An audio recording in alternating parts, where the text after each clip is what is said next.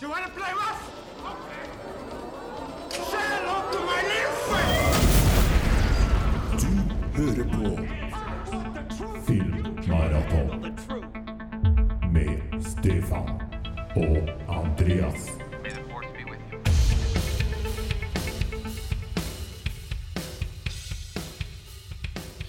Jepp, Stefan, da har vi flytta over motorveien da, i nye lokaler, nå ikke lenger på Tempe, men på Sorgenfri. Ja, det har vi, men vi er ikke så langt unna, så ser jo den gamle blokka vi, vi satt og spilte inn før eh, herfra. Ja.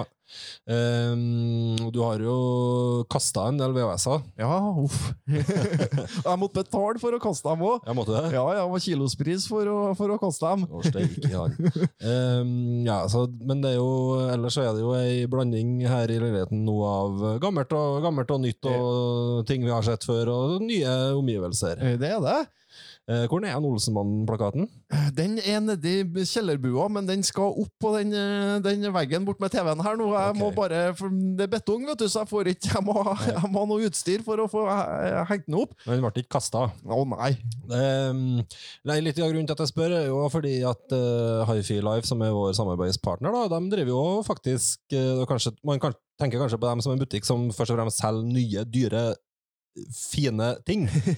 Men de gjør jo ikke bare det. De har jo ting i alle prisklasser for alle behov, men de, og de har jo um, faktisk en del brukte ting. Ja. Eh, både, ja, både ting som er utstillingsmodeller, selvfølgelig, som er brukt i butikk, men òg at det faktisk de Uh, har, ja, kjøper og selger en del, en del brukt, brukt lydutstyr. Ja.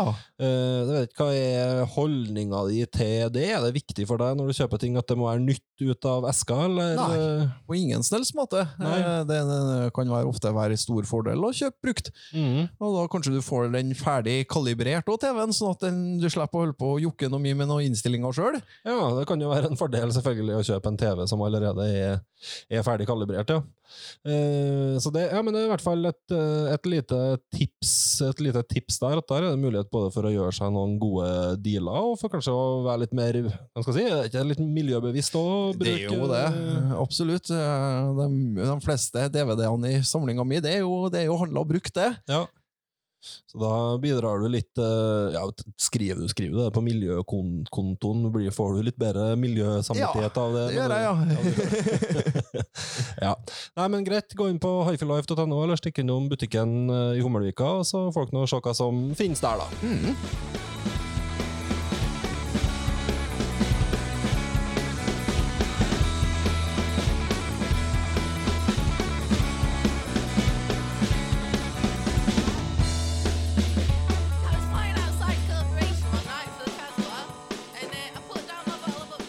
Ja, da har vi kommet til episode 15 av eh, Filmmaraton. Navnet mitt er Andreas Palstad, og sitter som nevnt i introen her da, i nye lokaler på Sorgenfri sammen med Stefan Tollefsen. Hei sann!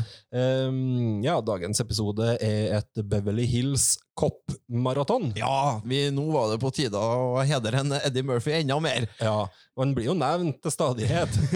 det er jo ikke sånn at han er forbigått i, i spaltene her i, i Filmmaraton, men kanskje på tide at vi dedikerer en episode til, Ja. til han og til den største suksessen hans og den filmserien som gjorde han da til kanskje verdens største komiker på 80-tallet og begynnelsen av 90-tallet. Mm. Um, men vi, venter, vi må vente litt grann med, med det. Vi, eh, aller først så skal vi innføre en litt ny spalte i, i Filmmaraton. Jeg har ikke noe navn, da, vi kan kalle den for, vi den for Postkassen eller uh, brev, brev... Lindas brevsprekk. Nei, det går an å si det. Nei, det, det er ufint. Uh, ja, nei, nok om det. Uh, men i hvert fall, uh, vi har fått litt eh, Dere kommuniserer jo litt med oss i sosiale medier og sender oss litt meldinger og litt sånne type ting. Både, Det setter vi veldig, veldig stor pris på, altså. Absolutt. Og de aller fleste som sender oss ting, er jo veldig Alle egentlig er jo veldig hyggelige og greie å høre på, høre på podkasten. Og ja. Så, men så blir vi jo av og til arrestert på litt faktafeil og ting vi ikke Det, ja, det, det, det, er nok det. Vi, vi spiller nå inn og babler nå av gårde, vi. Så eh, det, sniker nok seg inn og feiler her, så, så det er fint det, at vi blir litt, blir litt arrestert innimellom. Ja, ja, blant annet en, det er to som har påpekt en eh, blunder. Som, den, går, den foregår på de kvote, Den går helt og holden på meg. Eh, det er i en av julefilmepisodene våre, som vi snakka om Jingle All The Way. Ja, Eh, og Da er det blant annet en som heter for Martin, da, som har sendt oss en melding og sier følgende. da. Hørte på julefilmepisoden deres i dag, eh, noe på etterskudd, uh, og beit meg merke i en litt uheldig feil med tanke på Phil Hartman.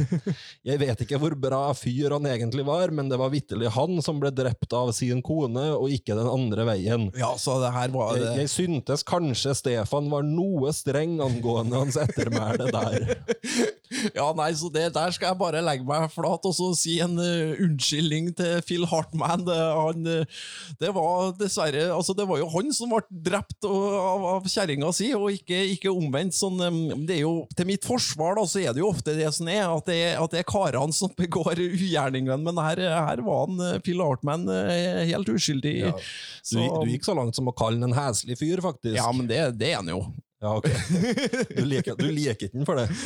Jeg har nå sett den i Jingle All The Way, da syns Ja. den virker veldig sympatisk Nei, det er ikke noe bra, ikke noe bra fyr der. Nei, Men, men, eh, eh, han, til, han hans, kan eh, til hans forsvar så var det faktisk var det ikke han som var drapsmann. Det var det ikke, og det, han var kanskje en veldig fin, fin fyr ellers òg, det, det vet ikke jeg noe om. Så vi legger, oss, vi legger oss flat på den. Ikke send det her videre til PFU. Vi, det, det stopper, vi håper at det er nok med en beklagelse. Ja da.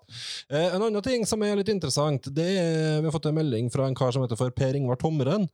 Um, det er samme episoden. Ja, eh, der snakka vi jo om, om Reinert Reinhard Kiel sin juleblod i Kultfilmspalten. Uh, og der blir jo den framstilt som en Per Ingvar og skriver her da som Norges eneste julegrøsser, men det blir han jo kanskje med rette litt, uh, litt frustrert over. Eh, for han sier jo at på det tidspunktet den kom, i 2017, så var det allerede lagd flere norske julegrøssere, og han var blant annet sjøl med på å lage den her juleslasheren O hellige jul, som kom i 2013. ja. Den, eh, jeg kjenner jo til, til den eh, filmen. Blant annet er det jo en, en podkast som heter Attack of the Killer Cast, som tar for seg mye av de her kult, rene kultfilmer. da. mm. Som har en egen, egen episode av den. Um, eh, nå ville vi, jeg for min del, snakke om juleblod i den, eh, den episoden som var, at det er jo en film som er greit tilgjengelig for, for folk. Men, mm. men så absolutt så burde, burde vi ha dratt fram O hellige jul, når vi først var inne på norsk jule, juleskrekk. I tillegg så har jo de her Alexander Sergstad og Ivar Nikolai Falle, det er vel de som har den filmjunkien. Ja, det er jo en Eh, YouTube- YouTube-serie, ja. Ja, de har jo lagd noe innenfor den sjangeren, eh, sjangeren eh, her, da, med, med en episode om den julegrøsseren Blodrød jul. Ja, altså Det er ikke en ekte julegrøsser. De bare spilte inn, spilte inn eh, noe som skulle være en julegrøsser, og presenterte det som en skjult eh, filmskatt. da. Ja, Så li, litt, sånn, litt sånn lureri, men eh, artig, artig, artig episode, det. det kan altså. være kul å søke opp, kanskje. Mm, jeg anb- anbefaler ellers Filmjunkene. De kom nå nylig med en sånn eh, ti- tiårsjubileumsepisode. Ja, og de holder bra koken. Ja, de gir jo ikke ut noe mye ennå, da, for det, så det var jo den tiårsepisoden. Ellers så har de vel vært rolig, men det ligger nå ganske mange episoder eh, på dem, så absolutt uh, sjekk opp det. Iallfall hvis du er glad i sånne filmer som, som blir dratt fram på kullspalten vår. Da, sånn det, det, det landskapet der. Ja. I tillegg så sier jo Tomren her at det kom en film i 2015 av Torstein Jacobsen og Øystein Runde, en julegrøsser som var kalt for Julebukk, og at en Kenny Wang òg lagde en brutal julefilm i 2014 som het For svart snø, men den skriver også eh, Tomren her at han er usikker på om er en grøsser direkte eller ikke, da. Mm. Um, så det er for så vidt eh, det, er et forsøk fra oss på å rette opp litt. De, kunne, de kunne vi selvfølgelig godt ha nevnt når vi var inne på det her med, med juleblod. Det kunne vi jo ikke minst, har jeg godt kunne ha tenkt meg å få sett dem. Så hvis noen har noen tips på hvordan det er mulig å få sett de filmene der, så tar vi gjerne imot det, altså. Ja. Men eh, jeg tror jo jeg, jeg, jeg har jo litt forståelse for Per Ingvar, og og det her med at norske anmeldere kanskje ignorerer litt de her filmene nå som har en smalere, eh, litt Mm. smalere release, og tror jeg nok ofte kan føles litt frustrerende at man jobber litt sånn mot eh, hva man skal si, etablissementet, eller hva man skal, hva man skal kalle det. Så absolutt. Så det, det er en eh, uting, kan være det. Ja. eh, Er det. Så, så eh, her skal vi bli litt flinkere vi, til å løfte opp, løfte opp film som kanskje er på sida av det de store, store mm, pressen tar tak i. da. Mm, mm. Nevner jo blant annet en kåring av en julefilm i VG her, der, der um, deres film rett og slett ikke fikk være med selv om den, på lista, selv om den fikk mange stemmer. Ja, ikke sant? Men Der, er jo- der har ikke vi vært i kontakt med VG og fått noen forklaring på hva som egentlig, egentlig skjedde der, men uh... Det høres nå iallfall ut som det er dårlig gjort av VG da, å Ja. bare, bare å overse det. Og, og, og likens har jeg vel fått med meg at Den uhellige jul har fått en del em, gode kritikker i utlandet. da, At den er ganske populær i, i diverse miljøer i USA. Ja. Eh, så det er, jo, det er jo veldig positivt. Så det er Litt sånn kultstatus, eh, men kanskje faktisk enda mer utenfor Norge enn i Norge. Ja. Så det er jo litt, eh, litt interessant òg. Men her er jo folk som lager, lager film og er entusiastiske eh, rundt, rundt film, og som fortjener selvfølgelig å bli, å bli nevnt både av oss og egentlig av større publikasjoner enn oss, da. Så absolutt. Eh, Men ja, hvis eh, noen har noen gode tips til hvordan man kan få, hvordan de filmene er tilgjengelige, hvordan vi kan få tak i dem, så er vi eh, interessert i det. Mm. Uh, ja, vi har, fått mye, vi har fått mye mer brev. Jeg tror vi skal eh, Vi sparer noen av dem. Ja, Skal vi lukke, lukke postkassen for denne gang? da tar vi, tar, vi, tar, tar vi opp tråden i neste episode. Ja.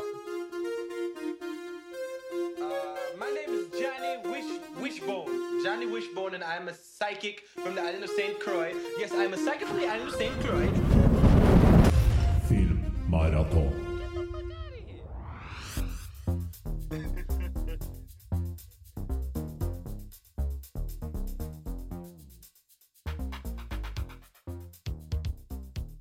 Da beveger vi oss heller til den, det som egentlig er den faste åpningsspalten, og det er jo hva vi har sett siden sist.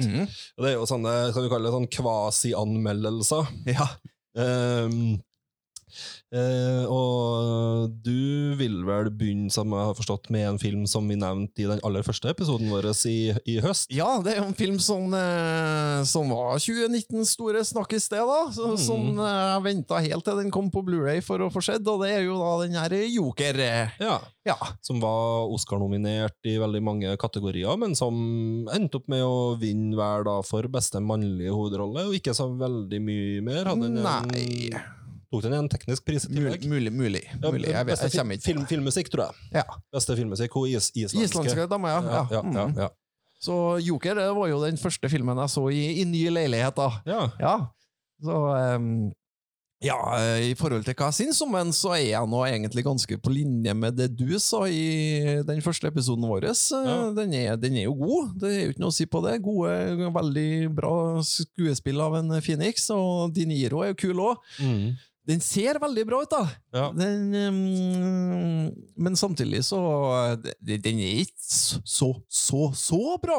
Nei, jeg landa vel på at den var litt sånn en firer med, som inneholdt mange femmerelement. Ja, det, Eller, med, eller sånn i den, i den gata der, da. ja ikke Jeg sant? syns skuespillerprestasjonen er bedre enn filmen. Mm. Uh, men ja. Jeg er nok oppå, jeg likte den veldig godt også, så, så, så, jeg er oppå en femmer der, men samtidig litt overhypa. Veldig overhypa og lagt Altså, ja. Og, og, og det er jo som du også er inne, inne på når du snakker om, om at um, den er kanskje ikke så original som den gir litt uttrykk for, da. Det eneste som kanskje er originalt, er at man blander en som ellers kanskje ville ha vært en dramafilm om en psykisk syk mann, og blander det inn med et superheltunivers. Og det, det er vel egentlig Samtidig så er det jo altså, superhelter fortært innenfor en mer realistisk diskurs. Det er jo gjort så mange ganger at det eller er ikke noe som på en Nei. måte oppleves som en vel, et veldig friskt take i 2019-20. mm. Så det er litt sånn, ja gjør, Jeg syns ikke heller at det den gjør, er noe sånn spesielt grensesprengende eller nye påfallende nyskapende, men det er veldig tydelig å se inspirasjonene dens, som vi snakka om Ja. som sagt i den episoden. Og så er ikke det noe negativt i seg sjøl. Alle filmer er som regel inspirert av noe annet, men litt sånn i forhold til Ja, det, det siste løftet der, den siste, siste edgen der, som måtte kanskje føltes litt som at den gjorde noe Ja, som føltes litt friskere. Ja, jeg er enig, men eh, nei da, den, jeg kommer helt sikkert til å se den, igjen. eh, Sånn, sånn, eh, sånn jeg var inne på, så, så, så ser den jo veldig, veldig flott ut, da. Mm. Eller, altså, det, det er jo mye sånn skitne bilder og sånn, men altså, det, det er mm, bra. Uh, og så er jo det bildet som mange har sett, selvfølgelig, det er når han danser i trappa, men jeg, jeg mener jo at kanskje et av de sterkeste bildene, eller en av de beste enkeltscenene, sterkeste bildene fra kino i, i fjor, er den her sluttscenen når han står med blod i munnen Ja. og tegner på seg det Joker- Joker-munn med, med blod, tenker jeg jo at det er et av de sterkeste, beste bildene egentlig fra kinoåret 2019. ja. Um, det er jo nesten dra fram den scenen som min favoritt, egentlig foran alt det her som har vært brukt mer i markedsføringa når han danser i trappa og de her greiene her, da. Mm. Men det er klart, den er Ja. Og så likte jeg jo for så vidt at man linker Joker-karakteren opp mot uh, Wayne-familien, ja. ja. Det, det syns jeg den, den, den likte jeg. Hva tenker du, hadde du kunnet tenkt deg å sette en oppfølger der en voksen uh, Batman bare tar den her typen her? Ja, det er ikke snakk om en oppfølger, da. Det hadde vært litt kult, hadde det ikke? Ja, så gjerne, gjerne oppfølger samtidig sånn eh, Samtidig som jeg må si at eh, når jeg var ferdig med å se filmen, så tenkte jeg åh, jeg savner noen Jack Nicholson litt. Og jeg. Ja. jeg gjør det. Det er, det er noe litt han som blir min joker, sånn til syvende og sist. Der har jeg vært eh, klar bestandig. Da. Jeg har aldri heia på, på Joker. Nei. Jeg har aldri, aldri sympatisert med han eller heia på han. For meg jeg vil se Batman knuse den her typen her. Ja. Eh, Så En annen ting jeg heller ikke helt skjønner, er den kontroversen Joker fikk i forhold til at det der kom til å påvirke unge, det, det, unge menn til å begå uh, voldelige handlinger. Den klarer ikke jeg helt, og den syns jeg er veldig søkt øh, problemstilling, i hvert fall. Det, ja, det, har vel, det har i hvert fall ikke blitt så mye sånn tydelig inspirerte voldshandlinger. Nei, jo, jeg fra den filmen. Er, er, det, er det der en karakter man har lyst til å bli? Bli, liksom? Ja, det er det som er litt Han er jo ikke noe kul i det hele tatt. Nei, nei, Han er en taper. Ja, absolutt. Hvordan, nei, så det Helt, helt enig i det. Men man tenkte vel kanskje at ganske mange kom til å kjenne igjen noe med seg sjøl i den, da. Jo, men allikevel, jeg, jeg klarer ikke å se at filmen på en måte Selv om den viser handlingene hans, så er ikke det at det er bra, på en måte. Nei. Den glorifiserer på ingen måte, syns ikke jeg heller. Det, det er veldig tydelig på det. Den glorifiserer ikke, men den gjør det kanskje mulig å identifisere seg. Men ja, den debatten tok vi nå for så vidt òg lite grann, eh, lite grann sist. Men ja, jeg tror vel kanskje òg at det ikke ble, i hvert fall foreløpig ikke har blitt så mye direkte linka opp til den som sånn inspirasjonsgreie, som man var litt, var litt redd for. Mm. Ja, nei, Skal vi si at det er nok om uh, Joker? Ja. Uh, jeg har sett en annen film som òg er en firer med mange femmerelement. Ja. uh, det er Taika Waititi sin Jojo Rabbit. ja, så den, du endte på fireren på den? Eh, jeg gjorde det. Det betyr ikke at jeg ikke likte den. Jeg syns for så vidt at det var mye med den som var bra. og Jeg likte store deler av den, men den er, en, den er heller ikke en spesielt god film. eh, i, i, altså ikke, ikke en veldig god film i sum. Nei. Eh, men den har en del element som, eh, som fungerer. Hvor kjent er du med den? Med Med handlinga og hva det går ut på? Jo, jo, jo, eh, det er jeg forholdsvis eh, godt kjent med det. Ja, Han er jo en eh, gutt her, han er vel ti år, tror jeg. Heter Jojo. Er jo medlem av Hitlerjugend da, under andre verdenskrig, eller helt på slutten av andre verdenskrig, 1945. Eh, og bor sammen med sin mor. Faren er det ingen som vet hvor, vet hvor er, og søstera er, søstera er død. Eh, og så eh, ja, har han en fantasivenn som da er en Adolf Hitler, da, som snak, Mhm. snakker til en og på en måte motiverer en da, i forhold til å være gjøre sitt ypperste for nasjonalsosialismen og for eh, sitt fedre, fedreland her, da. Uh, og, men det er jo en komedie. Det er jo en komedie. Eh, og vi kjenner jo Taika Waititi sin stil òg. Den er jo litt sånn vimsete og, og eksentrisk, på en måte, mer enn at den ofte er sånn laugh out loud, uh, vitsebasert i den forstand, da. Uh, men han ja, han er jo en morsom fyr, fyr sjøl, og spiller jo, spiller jo da rollen sjøl som Adolf, da, den her fantasi, fantasivenn. Mm. Som er en litt sånn fjoll, fjollete og rar fantasivenn, som da ja, i praksis er, er Hitler, da. Ja. Uh, ja, så er det noen litt sånn forskjellige ting som skjer her. Jeg skal ikke gå sånn veldig i detalj om hvordan handlinga, handlinga utvikler seg, men det viktige poenget er at Jojo på et tidspunkt finner ut at hans mor gjemmer ei jødisk jente i et skap oppå loftet. ja. og Da ble det litt krasj i hans holdninger, sikkert. Ja. Da møter han litt seg sjøl og sine egne holdninger i, i døra, ikke sant? Eh, Etter hvert som man får en relasjon til hun her, til hun her jenta og blir kjent med henne. Mm. Og, og ja, endrer seg jo selvfølgelig litt da i løpet av, løpet av filmen. Eh, så skal jeg ikke gå så veldig mye mer i, i, i detalj på det. Eh, det er en som heter for Roman Griffin J Davis, som spiller Jojo, veldig talentfull. Og så er det ei, ei, um, ei eh, hva var det, New Zealandsk, tror jeg, Thomasine McKenzie, som spiller hun Elsa, hun jødiske jenta som bor oppå loftet der, da. Mm.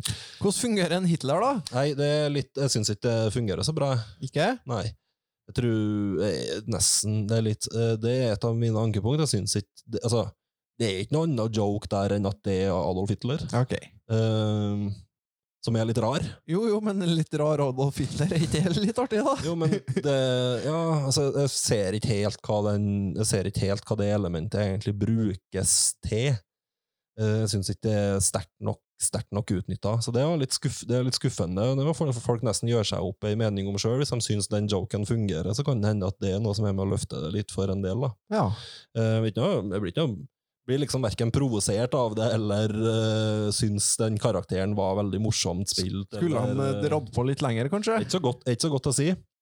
Eh, Scarlett Johansen er god og var selvfølgelig Oscar-nominert for rollen, Ja. eh, men kanskje heller ikke sånn fantastisk at hun hever at hun, at hun er med å heve denne filmen det siste hakket, hakket heller, men hun er solid, Solid solid og god. Ja. Eh, den jeg vil dra fram som er den store, store rollen her, det er jo Sam Rockwell, som spiller han her Captain K, altså han uh, kaller han um, lederen, altså han lokallagslederen for Hitlerjugend, på en måte, da. Ja. Eh, som, eh, som er en veldig veldig morsom rolle. Og Sam Rockwell må jeg bare si at han har veldig sansen for. Han stjeler stort sett alle scener i alle filmer han, Han er han, er, han er, er, med, er med i. Og Her har han med seg en Alfie Allen som sånn påheng. da. Eh, Det er ikke helt klart om de er kjærester eller ikke, de to, men det kan jo kanskje ligge litt mellom linjene at de har et nærmere forhold enn å bare være kollegaer. Mm. Litt sånn artige, artige karakterer. Rebel Wilson dukker jo opp. Hun er litt sånn take it or leave it for min, for min del ofte. Eh, men hun har jo sine, hun har jo sine fans. Um, ja. Så ja, sånn i sum, den er litt lang, den mangler litt på struktur, litt sånn strukturting, den er litt heavy-handed på en del sånne detaljer som blir gjengitt for mange ganger for at det skal komme tilbake. Man, et sånn, noen sånne setups som man repeterer for å få pay, for å, det blir litt for tydelig payoff, på en måte. En del litt sånne, ja, litt sånn heavy-handed uh, regi, da. Den vann, eh, var den som vant Oscar for beste manus, tror jeg? Beste adopterte manus. Ja. Det er jo en adap beste adopsjon i praksis da, Ja. av, ei, av ei bok. Eh, og den boka har ikke, har ikke jeg lest, så det er klart eh, det er vanskelig å uttale seg om det, men det er, det er litt sånn i forhold til at det var akkurat en manuspris denne filmen fikk. da. Jeg er kanskje der den har litt, litt svakheter. Mm.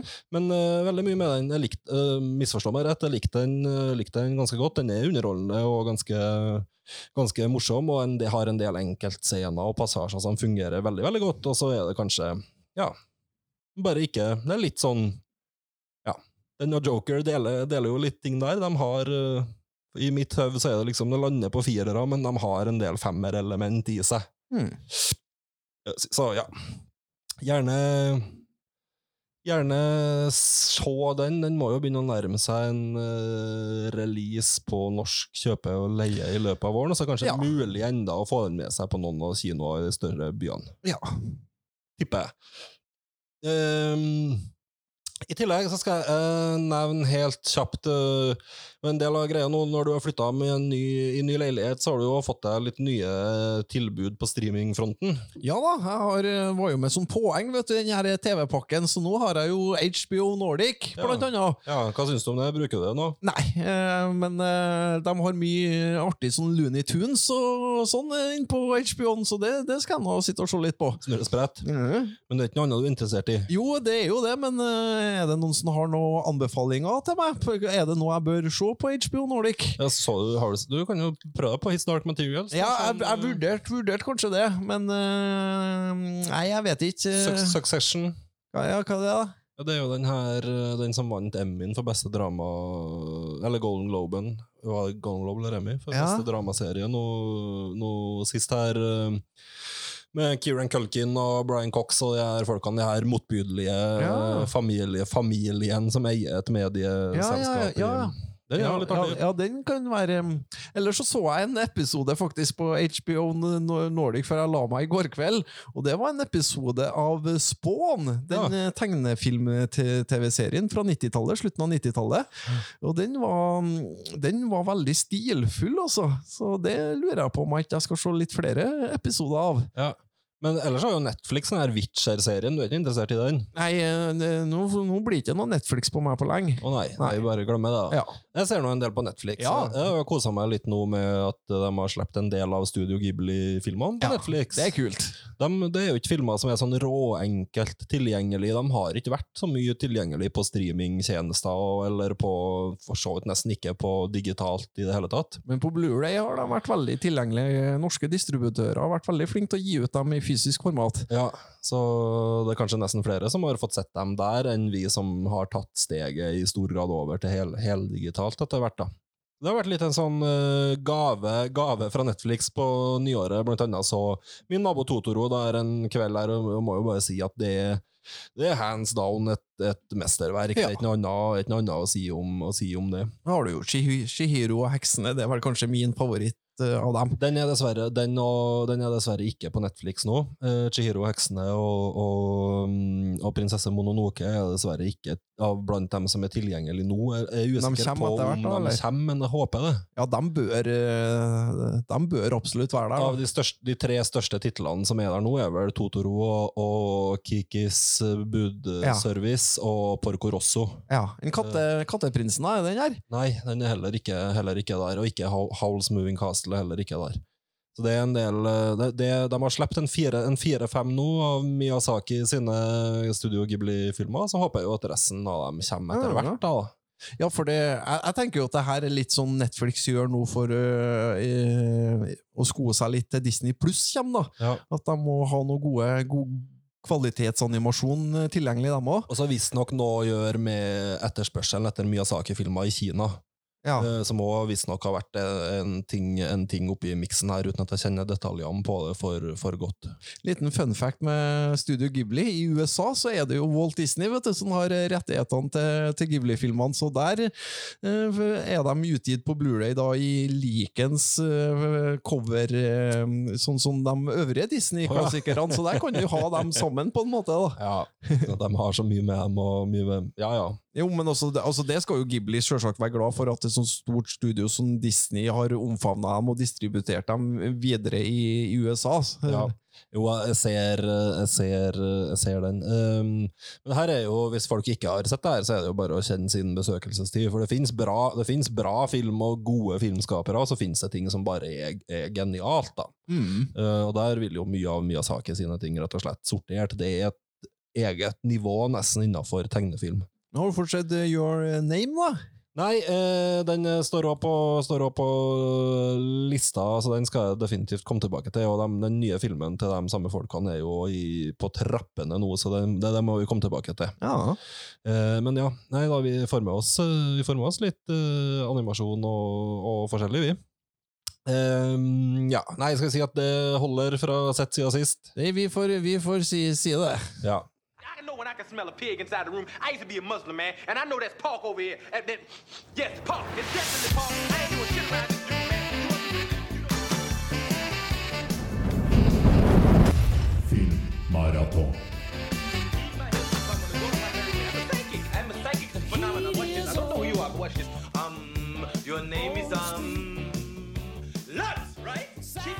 Vi lurer inn en eh, lynkjapp nytt på kino før vi går til Beverly Hills Cop. Ja. Ehm, den helga her så kom jo André Øvredal sin eh, Torden. Ganske brei release rundt omkring på kinoer, men foreløpig litt lunken mottakelse. Ja, det virker sånn, ja.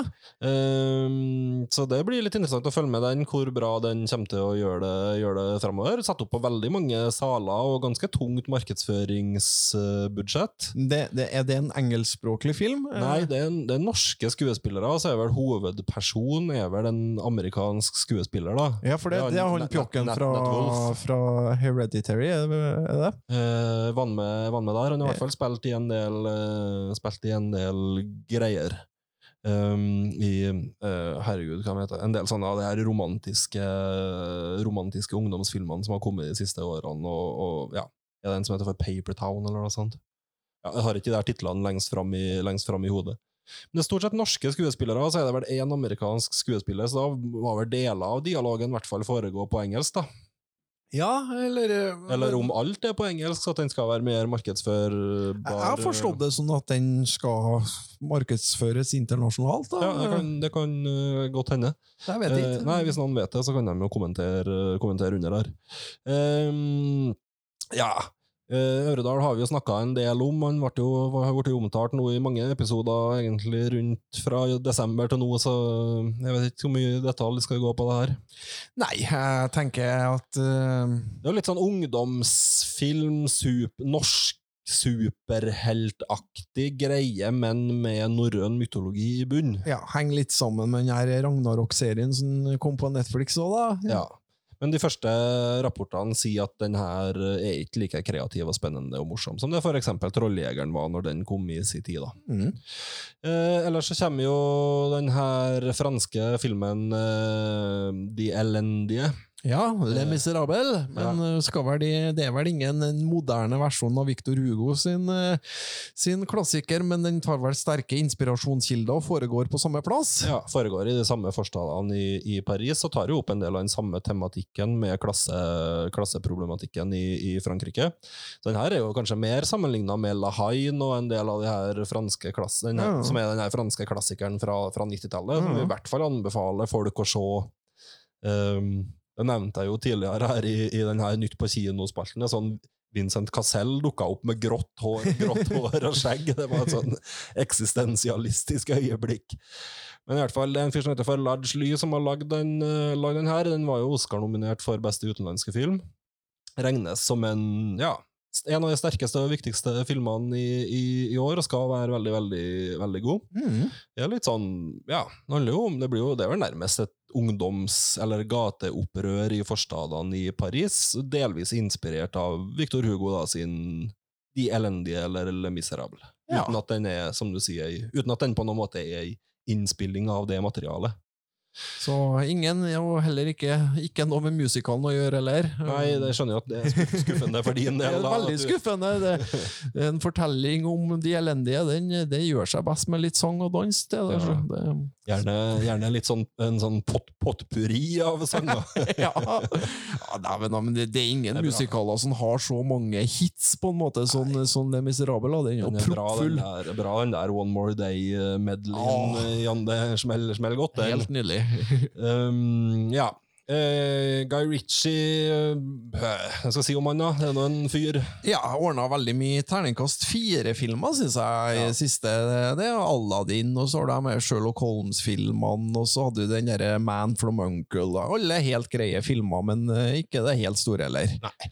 Han slo gjennom eh, med dunder og brak for 20 år siden med Lockstock og Snatch, som ble sånne kultfavoritter. Ja. Alle gutta hadde plakat på veggen og syntes det var sinnssykt fett, og de er jo, de er jo det, de er kule og bra, dem. Ja, særlig Lockstock syns jeg nå Jeg er ikke sånn overbegeistra for Snatch sjøl, men, men Lockstock syns jeg er knall, knallbra, altså. Enig i at Lockstock er den, og N2 Smoking Barrels, som er Ja. er, er, den, er den eh, beste, beste av dem, absolutt. Uh, ja. Ellers har han gjentatt seg sjøl mye, det er noe mye sånn uh, ja. Det er mye kule kiser.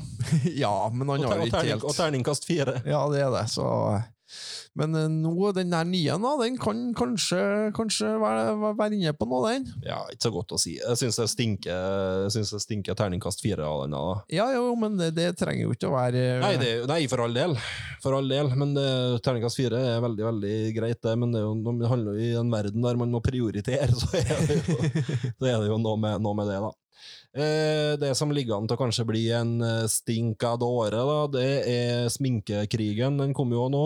Ja. Salma, Salma Hayek. Ja, den frister det ingenting å se, gitt. Nei, nå er kanskje ikke vi kjernemålgruppa heller for en, eh, for en sminkekrig, men, eh, men eh, det er noe greit nok. Uavhengig av, uavhengig av det, så blir jo den her svært dårlig tatt imot av alle anmeldere, egentlig. Ja, og i motsetning til for eksempel Cats, som nå ble eh, tatt svært dårlig imot av alle, alle kritikere, så har jo den på en måte Den kan, jo, kan man jo tenke seg til at den er artig å se allikevel, da, for at det er så brutalt, den her CGI-en, og den vil nå uansett ha noe ålreite sanger i seg, vil jeg tro. Mens den her sminkekrigen tror jeg har ingenting å by på, altså. Jeg tør nesten å love deg at når vi sitter her sånn i midten av mars en gang, så har jeg sett Cats. Ja, jeg skal nok ha eh, Hvis den kommer på sånn eh, godtilbud, så skal jeg kjøpe den. Ja. Ja. Vi skal, det misfor, altså, vi skal definitivt se den. Har bare, vi rakk det bare ikke i jula, som vi egentlig opprinnelig lovte. Vi er prioriterte ikke. Nei, vi prioriterte Nei, vi ikke gjorde det. Vi gjorde, vi, gjorde, vi gjorde andre ting. Ja. Uh, ja. Neste helg kommer da Pixar sin Fremad. Den ser Ja. jo litt freshere ut, kanskje. Ja, den har jeg trua på. Ja, den tror jeg kommer til å, kommer jeg til å like godt. Mm. Hva er greia? Ja, det er vel eh, et sånn fantasy-miljø, da. Så, eh, bare i, men i moderne setting, så det er på en måte en moderne by, men folk bor i, i sopphus og sånn. Eh, og en av slags sånn, Det er jo sånn fantasy-figurer på noe vis. De er jo noen slags sånn gnomer eller nisser, eller hva jeg skal kalle de der folkene som bor der. Men det er sånn blanding av eh, fantasy og science fiction, og det er ikke så godt å si helt hva det, hva det er for noen ting. Men den ser, ser ok ut, den. Ja, det gjør det. Eh, Pixar har vel til gode å lage noe som er dårligere enn terningkast fire. Ja, det er um, den Det, svakeste det, er bunnivået, det.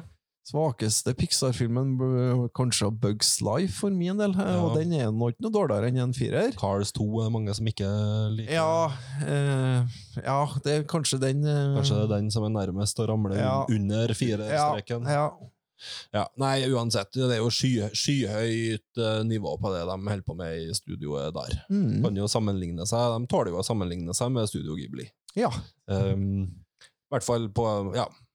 Eh, ellers kommer den her nye varianten av The Invisible Man da, med Elizabeth Moss kommer også neste helg. Ja, den kan jo, kan jo bli kul, den. Ja, Jeg liker jo den der selve storyen, da, den eh, grunnhistorien om The Invisible Man. ja som Kjøpt, er, kjøpt meg nettopp den her 30-tallsversjonen fra Universal, eh, så den skal jeg få sett det er jo litt, kult at de henter fram noen av de her klassiske Universal-monstrene òg. Eh, ja.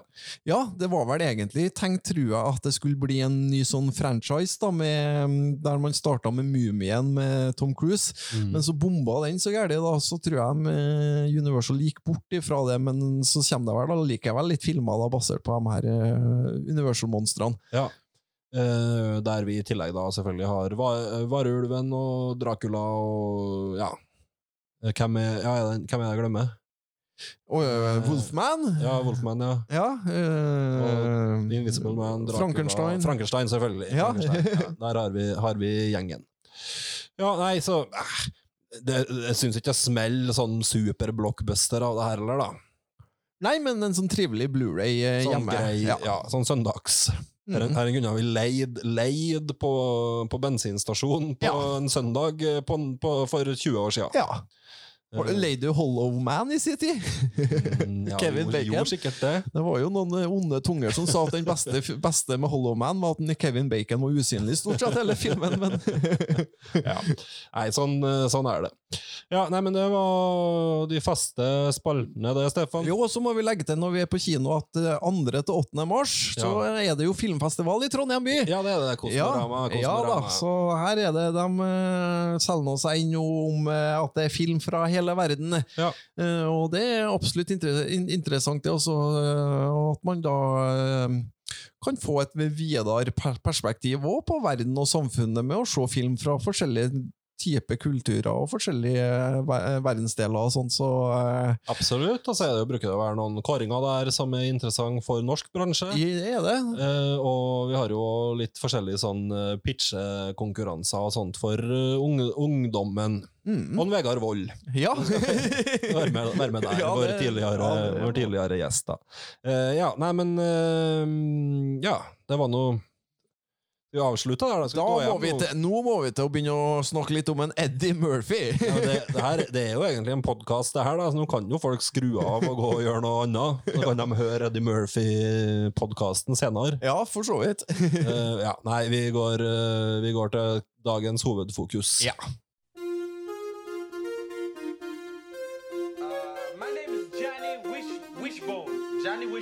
I'm a psychic from the island of St. Croix. Yes, I'm a psychic from the island of St. Croix. Filmmaraton. Eh, Beverly Hills Cop, uh, den største filmen fra vårt fødeår. La oss begynne der. 1984. Ja. Den soleklart største publikumssuksessen det året. Så ble den vel kanskje for- uh, Den er vel kanskje forbigått av Ghostbusters i ettertid. for Ghostbusters ble satt opp litt på nytt og litt diverse. Ja, og så jeg har kilder på at i 84 så fikk Indiana Jones og, og Ja, De fordømte stempelet, at den gikk kanskje hakket bedre. eh, så det er, sånn, det er vel kanskje litt hvordan du regner det, om det regner bare USA, eller om det regner domestic, om du tar med VHS-leie og sånn, men at det var iallfall topp tre 1984-film. Ja, så har du Gremlins inni miksen her òg. Må ikke glemme den òg. var mye bra i 84. Bra, et bra år på, på kino. Var, var det Amadeus som vant Oscaren? Eh, Det kan godt være. Det kan godt være. ja. Den vant jo, vant jo en del Oscar, den i hvert fall. Litt usikker. Eh, ja, Folk vet vel hva det her handler om. Det her er jo Axel Foley, mm, undergrunnspoliti i Detroit, spilt av eh, vår mann Eddie Murphy. Jaha. Eh, som uh, Ja, hva er, det som, hva er det egentlig som skjer her i korte trekk? Hva er plottet? Plottet er jo at det dukker opp en gammel kompis av en Axel Foley. Så uh, Han dukker opp da, og, og, og så blir han ganske kjapt myrda, han her kompisen. Og da leder jo de her sporene til Beverly Hills, og han, Axel Foley da, han tar seg ut litt ferie. Han sier Ja. han skal bare ha ferie, men det er jo klart han skal jo fære og snoke litt rundt om hva som ligger bak det her. Men I første filmen så kjører han til Beverly Hills. Ja.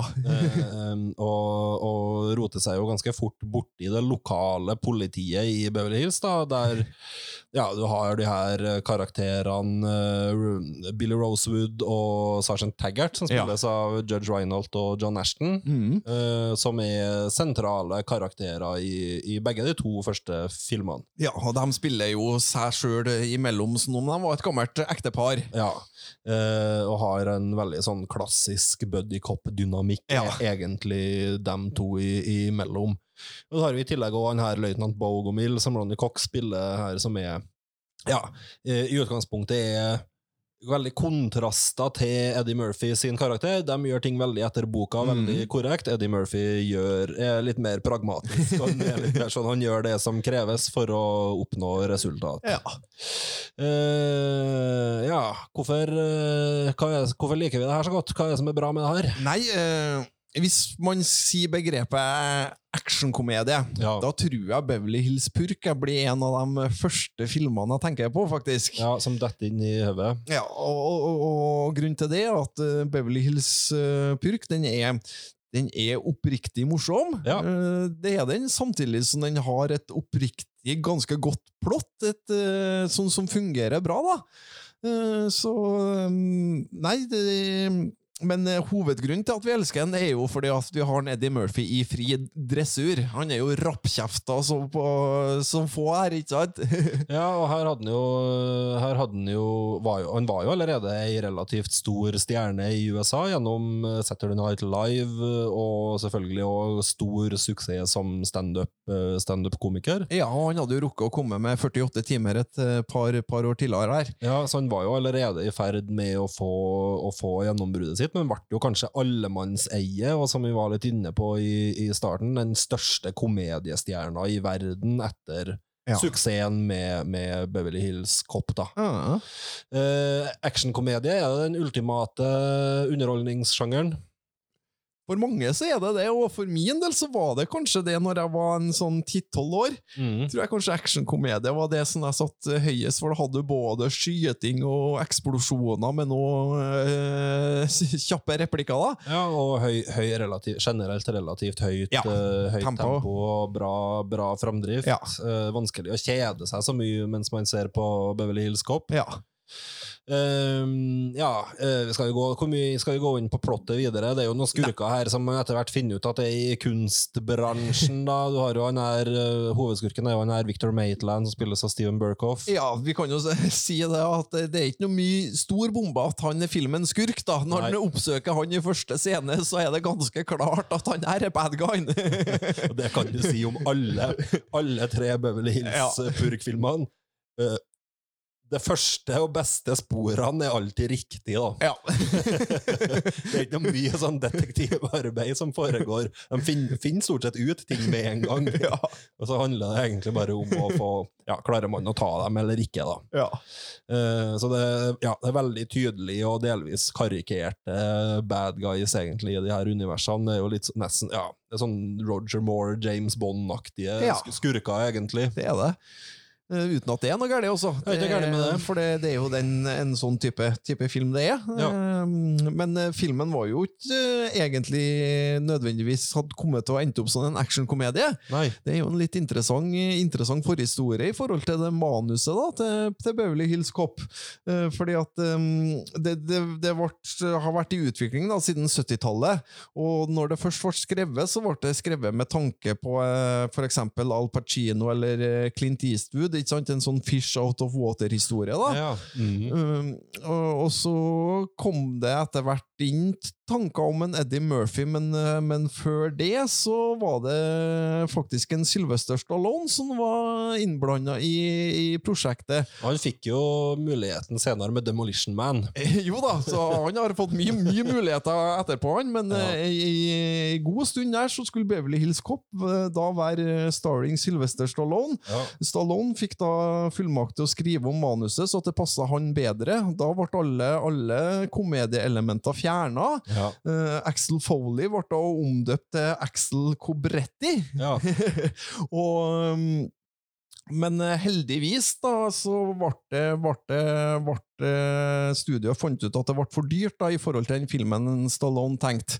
Så de skiltes, men som gode venner. Det sier de, poengterer de sjøl, i hvert fall på ekstramaterialet på den DVD-en jeg har, Mhm. om at eh, det var aldri noe vondt blod. For Stallone han fikk ta med sine ideer som han hadde tenkt til Beverly Hills Cop, og et par år senere så ordna han da kultfilmen Kobra, basert på det her materialet. ja. Og eh, Kobra det skal du få høre mer om, eh, for det blir nemlig ukas eh, kultfilm i dag. Ok. Ja, Ja det, ja. Nei, men men, Vi skal ikke ta den nå. Vi Nei, da tar ikke vi den nå, så, men eh, det var bare litt av forhistorien at Beverly Hills Cop kunne egentlig ha vært Kobra, så Men- det er jo litt artig å tenke ja, på. ja, men jeg har hørt uh, sjukere sånne casting uh, Det er vanskeligere det, uh, altså, En slags variant av det her med Stallone kunne kanskje ha gått på et vis. Ja, men, vi hadde ikke hatt en, en helt annen film. En helt annen film. For at en Stallone han, på den tida var ikke han interessert i å dra inn noe komiske element i sine, sine filmer. Det, det var han jo litt senere igjen, så var jo han mer åpen for det. Men Ja. Eh, regi her, eh, Martin Brest, han har vi jo snakka litt om eh, før i podkastsammenheng, blant annet når vi snakka om Midnight Run. Eh, og det er vel dem to på en måte han har. Og så hadde, han jo sendt over Woman i 92 og Meet Joe Black, og så fikk han jo den her superkalkun Giggly Ja, i det var to- i han som hadde den, ja. i 2003. og så veldig mye flere filmer etter det har jo ikke han, har jo ikke han lagd. Men den har jo noe av de samme tingene den her som det Midnight Run har òg. At den, er, den skjønner sjangeren sin godt og Ja. er, er gen, føles genuin og, og ekte, og ikke så forbaska studiopolert som en del andre filmer innenfor sjangeren har vært etter hvert. da. ja, jeg er enig. Um, så den, er, ja, den funker, funker godt. Eh, hvem er produsent her? Jo da, det er kjente navn i Hollywood. vet du. Det er to herremenn som er navn Don Simpson og Jerry Bruckenheimer, som da nylig hadde produsert uh, storfilmen Top Gun. Ja. Eh, og, og ja, hva, hva slags betydning har det, tror du, for suksessen? Ja, det, det tror jeg nok hadde litt betydning, ja. De uh, ordna sikkert så at det ble greit nok budsjett og sånn til filmen. Uh, og i forhold til markedsføring og ting rundt det òg. Så øh, ja, de, de, de sto jo bak masse kassasuksesser, de toene på 80- og 90-tallet. Ja. Top Gun kom jo etter den her for øvrig, eh, men mellom Ja, den her ja, den kom mellom, ja. Mellom den her Ja, og. Beverly Hills Cop, uh, Cop 2. De hadde jo nettopp lagd uh, Brookheimer i hvert fall hadde jo nettopp lagd uh, Flashdance. Ja. Uh, og det her er jo folk som var involvert i Bad Boys i, og etter hvert da i ja, sto litt sånn i kjernen av det her high concept action-filmperioden på 90-tallet med The Rock og Con Air og, og, og Armageddon, blant annet. Mm. Så det sier jo litt om uh, sier jo litt, Og det her er jo litt sånn ro- actionfilm-royalty i, i Hollywood, ja. er det.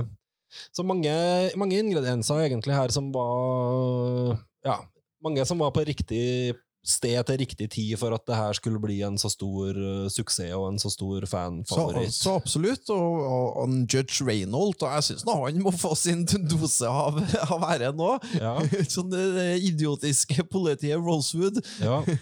Som blir mer og mer idiotisk og karikert etter hvert som serien utvikler seg. Det kan man absolutt si. Men som uh, Ja, Men vi liker en judge. Ja, ja, ja, han er jo helt nydelig.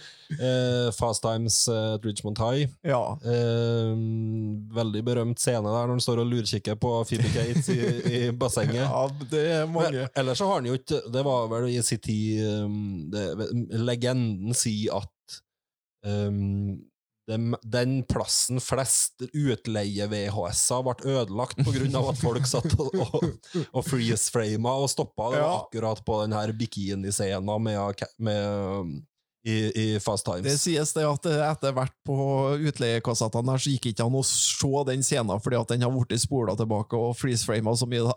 Ja. Um, så Judge Reinhold har nå sin plass, eh, kanskje særlig da i 80-talls, eh, 80-tallsfilmens eh, ja, Ja. ver verden. Ikke så ofte å se den lenger nå.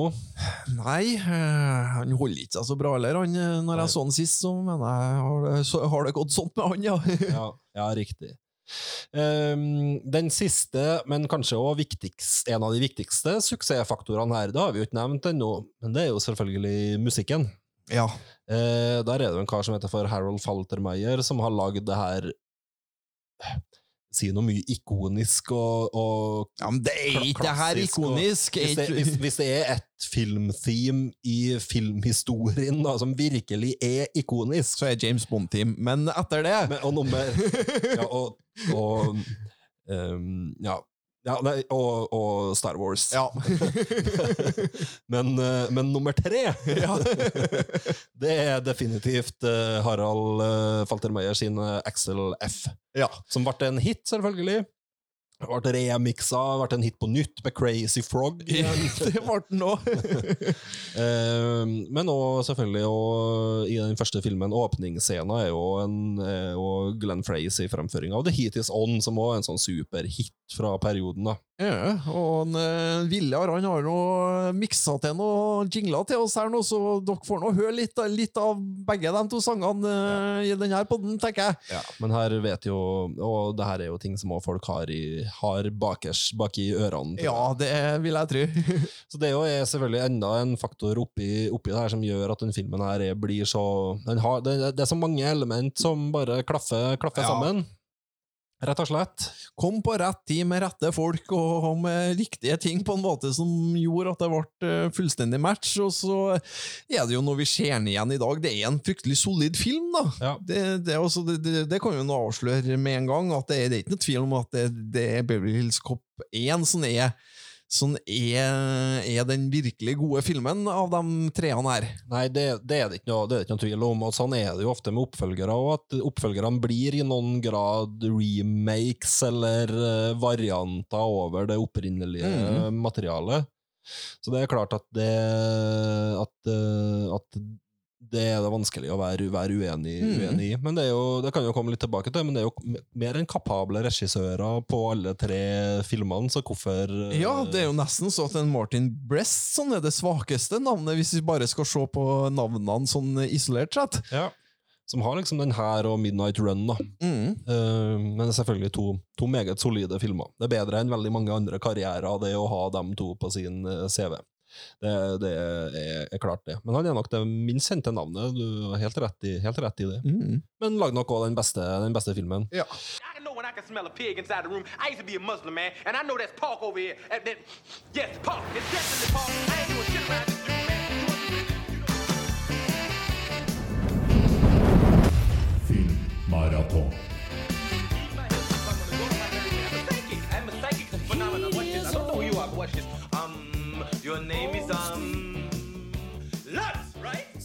Eh, tre år etterpå så kom Beverly Hills Cop 2. ja. Eh, selvfølgelig, da. Eh, og da er det jo Tony Scott som har tatt over eh, regien etter Martin Brest. Ja, og da kommer du inn med Top Gun, vet du. For da, da, da hadde de produsert Top Gun med Tony Scott som regissør. Ja, og da fikk han eh, muligheten her igjen med Beverly Hills Cop eh, 2. Tony Ja. Scott er jo ikke blant oss lenger, gikk bort i 2012, vel? Ja, han hoppa vel fra ei bru, eller noe? Ja, men hadde vel eh, hadde en meget innholdsrik uh, karriere, kanskje særlig da på 80-tallet og begynnelsen av 90-tallet. Ja, True Romance uh, Ja. husker vi med glede. Ja, Days of Thunder, uh, Last Boy Scout har vi jo snakka om eh, tidligere, tidligere her. eh, ja, Enemy of the State, eh, litt, litt diverse. Som han har på sin, eh, sin CV. Ja, det er han, som- han som er Enemy of the State da, ja. Ja. kult. Og Spy Game og litt forskjellig. Han var sånn, lagde sånne agent-thrillere Ja. der rundt millenniumsskiftet. Spy Game er ikke noe særlig, da. Nei, men uh, Enemy of the State er ikke så verst. Nei, den er kul, ja. Den liker jeg godt. Eh, veldig 1998. ja. John Voight skulle ikke Nei, den, du skal se den igjen, tror jeg. Det blir den i helga nå. Eh, ja, her er det jo en Bogomil, da, altså han politisjefen i Beverly Hills, som blir skutt fordi han holder på å avsløre en bande med sånne ranere eller våpensmuglere, eller hva de egentlig Ja. er for noen ting. Men før han blir skutt, da, så rekker han å ringe på en Axel Foley, for de Ja. har jo blitt best buddies nå. Ja. Og må si at han klarer ikke å bli, med på den kommende fisketuren deres. Nei. Jeg klarer ikke helt å se for meg dem to på fisketur. Det er ikke noe spesielt troverdig. Men de skal, de skal nå det, da. Ja. Det hadde vært kult om det var ei scene med dem to satt på ei sånn flåte med hver sin fiske, fiskehatt. For de er jo så kontraster i den første, og det er jo det det spilles på, og så har Ja. de blitt så gode kompiser. ja, nesten sånn far-sønn-forhold her, da. ja. Eh, han blir skutt, ja. Eh, Av Birgitte Nilsen, det. ja eh, som er en av hovedskurkene her, sammen med han her Jørgen Roknov, som Ja. spiller han her on, onde da, Maxwell Dent. Ja. Enda ondere enn skurken i den første. Ja, det vil jeg si, og ser enda Han og Proknov er jo en sånn skuespiller som ofte blir kasta som skurk. Eh, Så det er jo sånn klassisk sånn. Kunne vært, hadde vært noe problem med å være skurken i Die Hard eller skurken i Nei, nei, nei. noe som helst sånn 80-tallsgreie. Ja. Uh, har med seg Brigitte Nilsen, ja, som du, som du sier, hun er jo kanskje den som er den skurken vi husker best her, da, med det her blonde, høye håret og solbriller og mye fancy sånne bukse, buksedresser rundt omkring, da. Ja, og bidrar jo til at den her, er det en film som føles 80-talls, så er det, det nettopp den her toeren. Ja. Eh, Det, det er ikke måte på, eh, egentlig. Eh, Vi har jo også noen scener der Eddie Murphy står ansikt til ansikt med en kobra òg. ja. Og Rambo-plakaten òg. Ja. Så det, det er sikkert litt sånn intern joke, tenker jeg. Ja, for det, det filmene her får jo etter hvert en del sånne interne jokes og cameos og sånne, sånne type ting.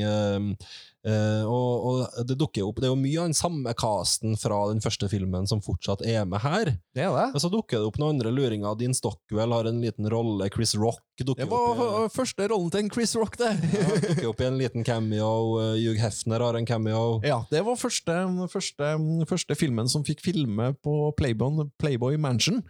Så de er, de er der, en, der en runde, en runde og den, ja, den er jo som de andre. Den er jo veldig sånn Los Angeles-film, Beverly Hills-film. ja, bruker de locationene for det det, for det det er verdt. Eh, annen litt artig type som dukker opp her, det er jo Gilbert Gottfried, uh, som spiller han her sleipe advokaten til en, uh, Maxwell, eh, Maxwell Dent, og det er vel kanskje fortsatt den største rollen hans, sammen med selvfølgelig stemmen i Aladdin. Ehm, han vil jeg jo virkelig, i og med at vi, vi har kommet dit, så vil jeg jo virkelig nevne og, og anbefale folk å stikke inn og høre på podkasten hans. Ja, hva heter det? Eh, Gilbert Gottfrieds Amazing Colossal Podcast, eh, som er en sånn her old Hollywood-podkast som han har sammen med en som heter for Frank Santopadre, eh, der de inviterer ja, gjester som, eh, gjester som eh, på en eller annen måte har noe tilknytning eller har jobba innafor underholdningsbransjen i, i USA, men som for så vidt gjorde det i en periode da eh, Veldig mange av dem jobba i en periode på kanskje 40-, 50-, 60-, 70-tallet. Ja. Så det er mye godt, litt godt voksne folk som har kjent en del av de folkene som ikke lever noe lenger. Ja, ja, ja. Eh, Så den er sinnssykt interessant og selvfølgelig også da morsom. Hvis man vet noe som helst om hva slags type Gilbert Gottfried er, så er jo han et eh, levende fyr, fyrverkeri i, Ja, det- seg, i, i seg sjøl. Type fryktelig infernalsk stemme, da. Ja, ja, han er litt dempa der, selvfølgelig, da. Ja. Men, eh, men ja, han er jo fortsatt uh, har jo fortsatt sine hangups og sine ting han syns er, morsomt å, å snakke om. da. Mm. Uh, Så det er en del fokus på hvem som lå med hverandre, særlig menn. Uh, ja. men, og hvem Ja, nei, mye, mye Kan du avsløre noe? Hvem er det de snakker, hvem er det de snakker om? Um, en, Ma- en Marlon Brando um, Nei, nei, jeg, jeg kommer ikke på Da får jeg nesten gå inn og, og høre sjøl. Det er mye sånne skrøner og røverhistorier Ja, ja. om hvem som lå med hvem, og hvem som gjorde ditt, og hvem som gjorde datt, og hvem som hvem som uh, var skjulte jøder, og hvem som hata jøder. Veldig mye sånn. ja, mye sånne hangup som en Gilbert Gottfried har, da, men i kjernen så er det selvfølgelig en god, en god og interessant uh, sånn nostalgi for et Hollywood som ikke fins noe lenger Ja, ja. i bunn. Mm. Anbefaler veldig å gå inn og høre på den. De ga nettopp ut sin 300. episode, så her er det jo enormt, Oi, oi, oi. Mye, enormt mye å ta av hvis man orker å begynne å grave i det materialet. Det er litt flere enn hva vi har ennå. Ja, vi må bare stå på. Eh, ja, hva mer er det som er interessant med Beverly Hills Cop 2? Den er, blir jo litt mer actionprega, litt mindre komisk. Den, Den gjør det. Tony Scott uh, drar til skruestikker litt der, gjør det litt mer Blir mer, mer action, samtidig som Eddie Murphy fremdeles er i storform. da. Han Ja. er fremdeles den her rappkjefta, frekke, frekke politimannen, han. Ja. Uh, men jeg syns jo at uh, plottet er veldig rotete. Klarer på en måte ikke helt å engasjere meg i det her plottet på samme måte som jeg gjorde i den første. Nei, Eh, og, og du mister òg selvsagt den her fish out of water-elementet, da, som du hadde, hadde i den første, der det er på en måte Neddy Murphy mot de etablerte politimennene. Nå er han jo faktisk på lag med dem. Ja, bare at de har fått litt nye sjefer, og det er litt sånn småtjafs der, da, men det, så sterkt er det ikke noe lenger. ennå. Nei. Nei. Han har Nei.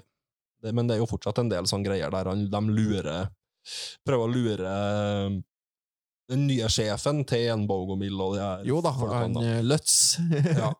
Så det dukker jo opp litt nye, litt nye folk her, men, den har, men den har en del ganske morsomme enkeltscener. Absolutt. Eh, og, og Eddie Murphy er fortsatt god i den her, syns jeg. Mm.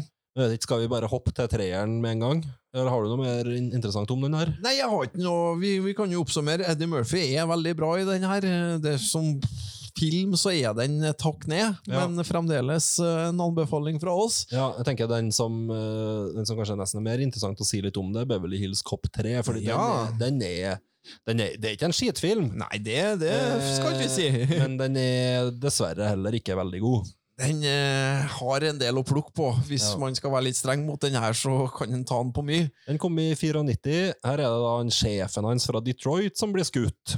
Det er jo alltid sånn en, av, en han har et nært forhold til, på en Ja. annen måte, blir skutt, Skutt, ja. i starten, så at han har noe sånn personlig personlig tilknytning til plottet. Mm, så det er jo han eh, Todd. eh, Todd, ja. Og han blir spilt av en fyr som heter Gilbert R. Hill. Ja. Og han var en ekte politimann, han, som uh, spilte i kun tre filmer. Og det var Beverly Hills Purk 1, 2 og 3. Ja, ble vel etter hvert en ganske sånn halvkjent politiker, tror jeg faktisk, Ja. i, i USA etter hvert, før han uh, mener han gikk bort for noen, for noen år Men det er litt artig å tenke på at han var ingen skuespiller, men spiller jo rollen i, i de filmene der ganske fint. Han, uten at han ikke har sånne store, store Nei, roller, men da, men han går nå rundt og kjefter og er sint, så er jo veldig, veldig klassisk buddy cop-sjef, da. Ja, jeg tenker jo han var jo- Kjefte og smell og Men det vi ikke må glemme, at han faktisk var en av, eh, av grunnleggerne til den her Buddy Cop-sjefen. Ja.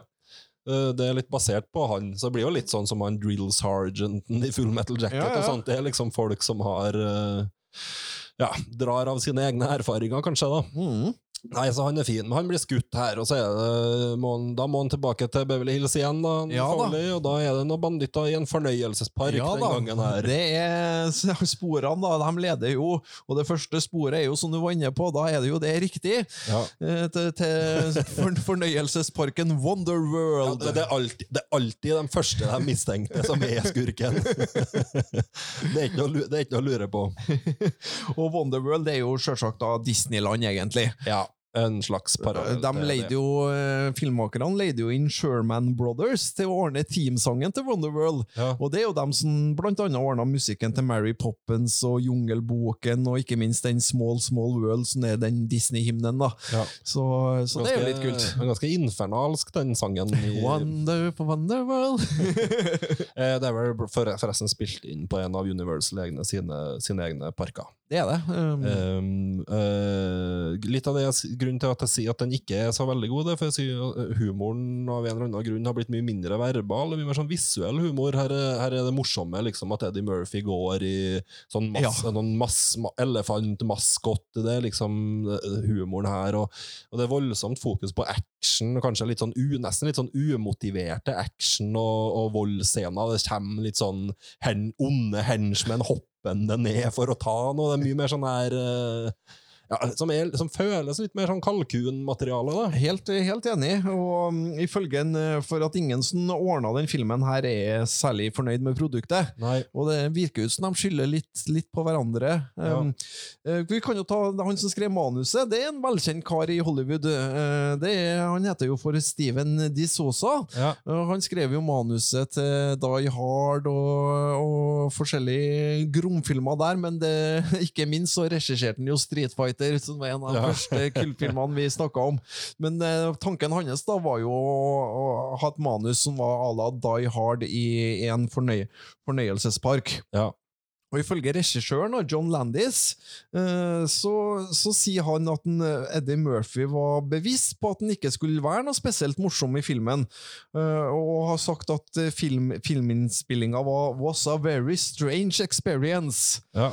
Eh, Eddie Murphy sjøl sier at eh, han så på Axel Foley at nå hadde han blitt ti år gamlere siden den første filmen. Han har blitt en mer moden politimann, så han var ikke, eh, han var ikke like rappkjefta sånn som han hadde vært før. Og i tillegg så hadde Murphy visstnok et ønske om å lansere seg sjøl mer som en actionstjerne, bli litt som en Wesley Snipes. Ja, eh, jo, jeg ser jo den, men samtidig syns jeg at den virker litt, han litt, sånn, virker litt uinspirert òg. Ja, Det, det, ikke det er ikke en 100 påskrudd uh, Eddie Murphy, det her uansett, om en tenker som actionstjerne eller som humorist. Nei, han, det, hva altså, for Skal han jo være actionstjerne, så må han jo frigjøre seg fra Beverly Hills Cop. da, ikke Ja. sant? Da må han jo lage Die Hard for, for fornøyelsesparken. da. Det høres ut som en kul film. da. Ja, ja, ja det det, gjør det. Da, da, må det være, da, må det, da må de bruke det settet, og så ha det der Ja, fortetta settet, og at det er en sånn plukke ut henchman og jobbe seg fram mot det, Mhm. det big boss-greia. da.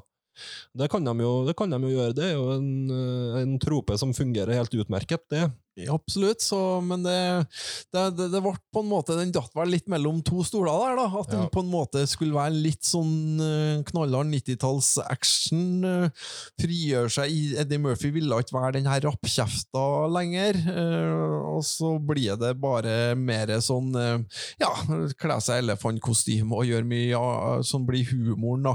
Ja. Uh, Som er bare Det er ikke så morsomt, altså. Det er ikke det. Det er ikke det, er ikke der, vi, det, er ikke der vi vil ha. Men sånn, som jeg var vel inne på tidligere her, eh, at eh, en tidligere episode så var jo Beverly Hills Cop 3, og så jeg hadde sett den filmen ti ganger før jeg i hele tatt så noen av de andre Beverly Hills Cop-filmene. Den var nummer 48 i VHS-samlinga mi, så jeg var en 10-11 år da når jeg kjøpte den når den var helt ny på VHS. Ja. Og jeg ser jo i dag, at selvfølgelig en tiåring elsker jo den filmen her, vet du. Jeg har fortsatt en softspot for Batman Forever. Ja, ikke sant? Uh, Sjøl om jeg ser i ettertid at, den Ja. ikke- at den ikke er veldig god. Den er jo ikke det, men, men, eh, men for en tiåring så var de der type filmene helt perfekt, også for det det. var liksom actionfilmer. Men, eh, og, og, og du stiller jo ikke så mye spørsmål rundt plott og Nei, det alt av- det der. der. Litt, litt av greia, og den er mer barnevennlig den Ja. her enn de to første, på godt og vondt. da. ja. Eh, Så for tiårige Stefan Tollefsen så er det selvfølgelig Helt super film der, vet du. Ja. Ehm, ja, uh, John Ashton er jo ute her, det er Hector Elizondo som har kommet inn i, i den taggert det bytta ut med Flint, men Ja. det er jo i praksis det samme rollen. Ja, Det var vel bare at Ashton ikke hadde mulighet til å, til å være med på innspillinga. Ja. Ellers så, så skulle det være en taggert den rollen. da. Ja, så dukker jo Ther Theresa Randall opp, og er egentlig den første ordentlige love interesten til Ja, Axel det er Foley, sant. Uh, i den her, som er en av dem som jobber og blir litt sånn hjelperen hans, hans insider da, i det her fornøyelsesparken. Hun var med i mye filmer på 90-tallet, hun Randall. Ja. var et kjent fjes, kommer jeg på da. Jeg vet ikke hva hun holder på med nå, men eh, Nei, og så er det også litt sånn, virker jo litt sånn for å kompensere for at en Taggart er ute, og, og mye av de gamle karakterene er ute, så henter de inn igjen den her karakteren Sir. ja. fra den første filmen, Ja, han som egentlig er en ganske morsom, sånn bitteliten, bitteliten birolle i den første, som han er uh, galleristen som driver og skal servere espresso med sitron. ja. Mens i treeren har hun blitt våpenhandler. Ja, og, og, og, og, det, er sånn, det her er sånn jump the shark-materiale, akkurat det her, i forhold til at han selger et sånn sinn. Altså Når Eddie Murphy står der på slutten og skal bruke det her våpenet Han har henta av en Surge som er sånn blanding av boomblaster og mikrobølgeovn og, og rakettkaster. Det er sånn jump the er shark-materiale. det, det, det, det tenkte jeg nå når jeg så med voksne øyne, hvordan kunne de egentlig gå med på det her? Og så er det jo den der at de skurkene som står og skyter på han, de venter jo at en Ja. får trykt på alle, og så begynner de å skyte på han, men de venter til Neddy Murphy har fått gjemt seg under, under benken. Ja, det Eh. Så, så da, det, det, men for en tiåring, du stiller ikke de samme Nei, spørsmålene men, der. men det her er ikke så Det er ikke mange, det er ikke mange skritt mellom det her og Jingle All The Way, liksom. Nei, nei, nei, nei, nei, det er ikke det. Det, det, det er det.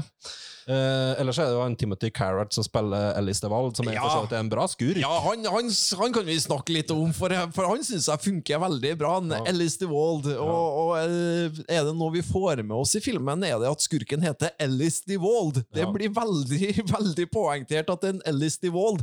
I tillegg så dukker det jo òg opp en, eh, er det en mer sånn FBI-etterforsker som har et fryktelig skurkete ansikt. Det. det er ingen tvil om at han her er med på det, det, det skjønner du fra scene én. Men her, ja, ja, nei, det, ja. Hvordan kan vi kaste en fyr som folk skjønner med en gang Ja. at de må være mistenksomme? han, han har så skurkete utseende, han, Han han agenten der.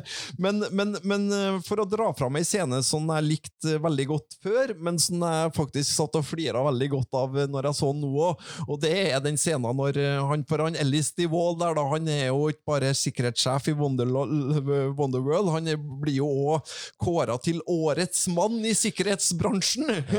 Og da er det ei scene der det, er en sånn heder, hedersfest for han Ellis DeWald, og da, da, da kommer Neddy Murphy og krasjer den, og det, det, det er en god er, den, scene. det er den beste scenen i Ja. filmen. det- Ellis DeWald! Ellis DeWald! Ellis DeWald! Ja, den var naturlig, det var naturlig å velge ut den scenen nå når jeg satt og la ut ting på Instagrammen vår. Så fra, Ja. fra de her filmene så var det helt naturlig når de står og heller rundt hverandre Ja. og, begge, og står sånn og gliser og, og skjeller ut hverandre mellom, ten, mellom tennene. Det er den beste scenen i, i Ja, det er det. Det er veldig god. Fin, fin den, også. Og det er klassisk eh, Beverly Hills Cop på, Mm. på, sitt, på sitt beste, da. Mm. Uh, der Axel Foley faktisk er Axel Foley, og bruker, bruker eh, seg sjøl og de her Ja, Ja, altså snakke, snakkeevnene sine til å, til å løse problemer, på en måte. Det er det, det Beverly Hills Cop skal være. Ikke Ja. at han driver og plaffer ned sånne ansiktsløse henchmen som kommer hoppende ned. De er det mange av. fra Det er utrolig mange sånn eh, hjernedøde henchmen som jobber i Wonderworld under den Alice Wald. Ja. Og så skal han plutselig bli sånn superhelt som skal redde folk ut fra en, eh, fra en uh, fornøye fra en sånn, Ja, denne karusellen en som sånn er oppe i lufta, ja. Med opp, ja. Ja, nei, det det er sånn Den scenen var ikke noe særlig god når jeg så den igjen nå, men den, den kommer jeg på jeg likte godt når jeg var liten. da. Den Ja. synes jeg var kul, at den hang og dingla oppi, oppi der, men den, den er jo den er så lite troverdig, den scenen, at til og med James Bond er mye mer troverdig enn akkurat at han henger i et lite, lite snøre der og klarer å gjøre alt mulig slags rart med to unger på nakken. bare, bare tull. Men uh, Landis, eh, John Landis uh, har jo regien her, og det er jo kanskje egentlig den, regi, den vi uh, respekterer aller mest av Ja. de tre nevnte for hans karriere. Men karrieren han stoppa nå, var det mye godt rundt Beverly Hills Burk 3. Ja, den gjorde kanskje det. Etter det så ble det litt sånn Blues Brothers 2000 og, og litt sånne type ting, men han har en eh, karriere før der med bare i... lang Helt vanvittig. Lang, van, van, Helt vanvittig. Det er 80 80-tallet til en John Landis. Det, det er ingen, som tar det. Det er Nei. sånn Spielberg-nivå, det. Ja, det er mere, bedre enn hva Steve Spielberg hadde på 80-tallet òg, til og med. Det, Eh, Vi nevner American Werewolf i London, Animal House, eh, Blues Brothers, Coming to America, Three Amigos, Trading Places, eh, you, you name them. I, helt- tillegg selvfølgelig til Beverly Hills Cop, eh, Cop 3. Mm. Så det er knallsterk, eh, et knallsterkt eh, 80-tall, men så har du kanskje rett i det at sånn, så fort vi bikker over på 90-tallet, så var det litt over for Landisen. Da er det ikke så mye mer eh, Jeg har vært utafor huset til John Landis. Det har vi sagt før. Ja, Eh, det, Så det er kult, da. ropte du at ja, ja. Landis! Alice the Wall! Alice the Wall! Så der, ja. ja. Alle de tre filmene her er variasjoner over samme, samme mal. Det er akkurat det samme som skjer i, i alle tre, og de er veldig oppskriftsmessige, uten at det er nødvendigvis er noe galt i det. Men de to første de lykkes jo innenfor denne malen, og så er den siste litt sånn ok, nå begynner det faktisk å bli litt dumt her. ja. I hvert fall når man ser det igjen, i, I, Ja. igjen nå. Men jeg må nå si at jeg, sånn underholdningsverdi så koser jeg meg mer med treeren enn med toeren lell, altså. Ja, fordi toeren er litt actionfilm, og er litt, øh, den prøver litt å være litt sånn gritty, litt tøff. Ja, og jeg klarer på en måte ikke helt å engasjere meg i actionscenene der. Da klarer jeg tross alt å engasjere meg mer i de teite actionscenene som er i treeren. da. Ja. Men alle tre er jo i noen grad underholdende. Ja, ja, ja. ja. Jeg, jeg vil si at um, ja, Hvis vi skal ta, kaste terning på de tre filmene, Andreas Ja, Den første får få en sekser, da. Ja, enig. Vi tar den på en sekser. Så får toeren få en uh, En plass mellom fire og fem. Mm. Uh, og så er vel den siste en sted mellom tre og fire, da. Det er egentlig en kanskje en treer. Det er egentlig en treer, men den får en, for meg får den en firer, litt på grunn av nostalgibriller og litt sånn der. Skal vi bompe den? Skal vi bompe toeren opp på en femmer, da? Ja. Den er ikke noe råsterk, den, nei. Det er en svak femmer, ja. Ja. Men eh, nei, jeg, jeg vil ha den på fireren nå, jeg. Ja, Egentlig. ja den, er litt, den er litt der, og så er Beverly Hills Cop 3 egentlig en treer. Ja. Men du, du vil nostalgivippe den opp på fire? ja. Nei, men så er det litt det her Den er jo underholdende, og alt den der settinga med Wonderworld og alt det der er, er kult. Men den er ikke sånn dritlangt unna å kunne ha vært i Kultspalten, altså. Nei, det er den ikke. Den øh, hvis Ja, den kunne ha vært med der. Ja, bortsett fra at den, bare den var bare en for stor publikumssuksess til å kunne Nei, den ble kunne- ikke noe særlig stor publikumssuksess heller, vet du. Men den tatt for, penger. for stor til å være i kultfilmspalten, vel? Nei øh, Ikke noe som har gått 25 år, nei. Nei. Så tenker jeg den, den kunne jeg tatt med der. Og jeg har jo ganske bredt spekter også, på hva som kan få være med der. Ja, da har du, du har for så vidt- du har for så vidt det.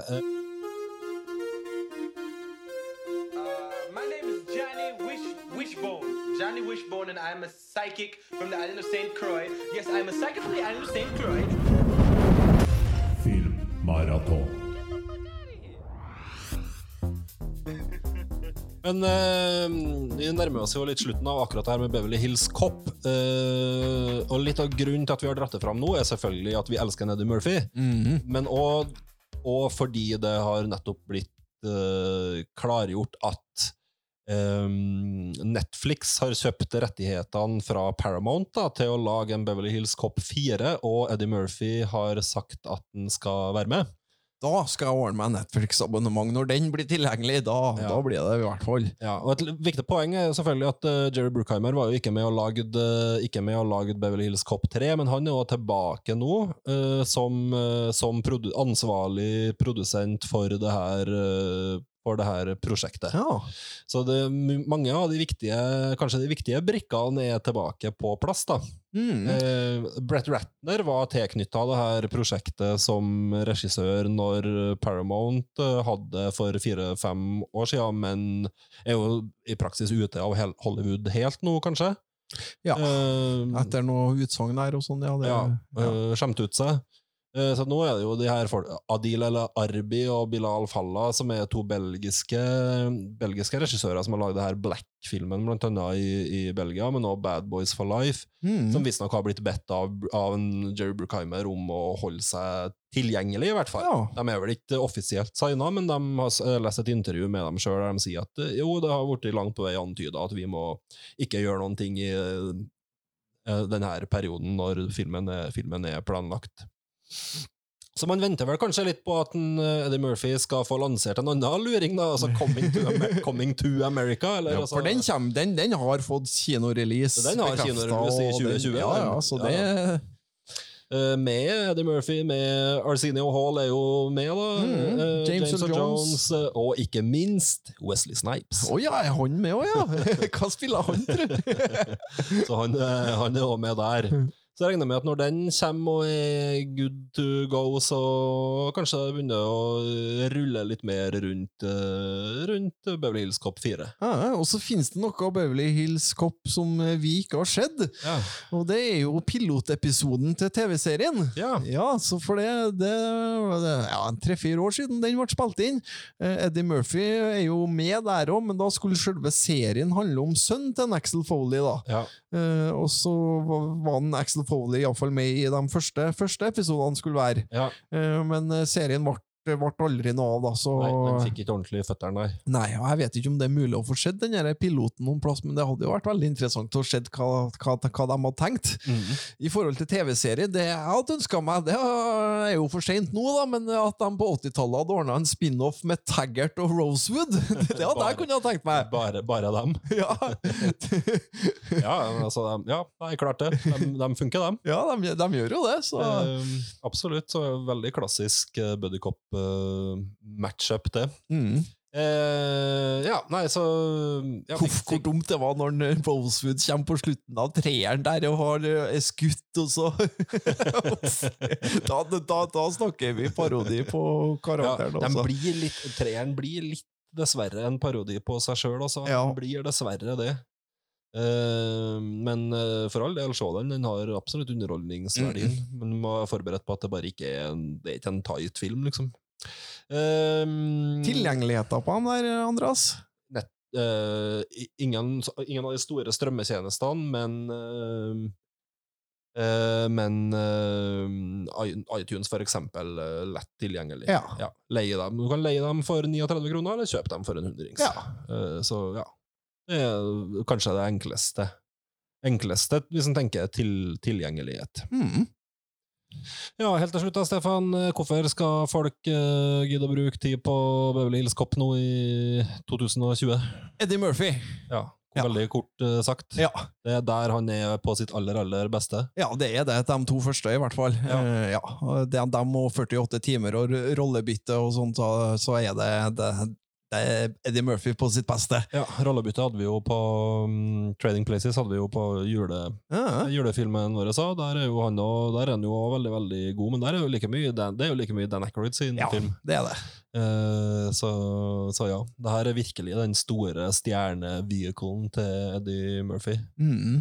Eh, vi likte den jo i, i Nutty Professor og Shrek og litt forskjellig, og vi, men karrieren hans har jo vært litt bob-bob kanskje de siste 20 årene. Han har jo, han har jo filma som Pluto Nash og Meet Dave og sånn uh, ordna òg, men eh, det er jo ikke bare den Tower Heist. Da fikk vi jo tilbake litt den her rappkjefta i Murphy. Ja.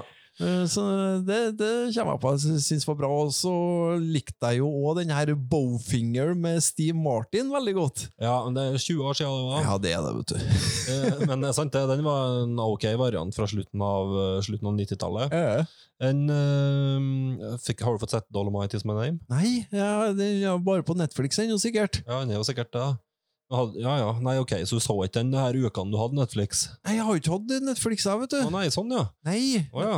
Nei, jeg, jeg vurderte at jeg skulle gå over til den, men så ble det jo de 100-poengene. Og, ja jeg skjønner, jeg og- skjønner, så, så jeg kan jo ikke holde på ja, som nok, nok om det. Ja, nok, nok om det. Men det var i hvert fall et comeback, eh, et comeback der. ja, Jeg fikk jo for første gang på mange år faktisk litt uh, kred og props fra anmelderi og synsere og menere rundt omkring, da. Eh, så ja.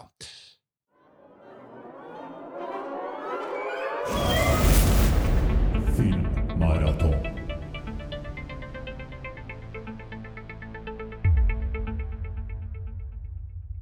Eh, helt til slutt, eh, du har jo allerede avslørt hva kultfilmen er. da. Det, Ja. det er Sylvester Stallone og Brigitte Nielsen eh, i den spalten her for ikke første gang.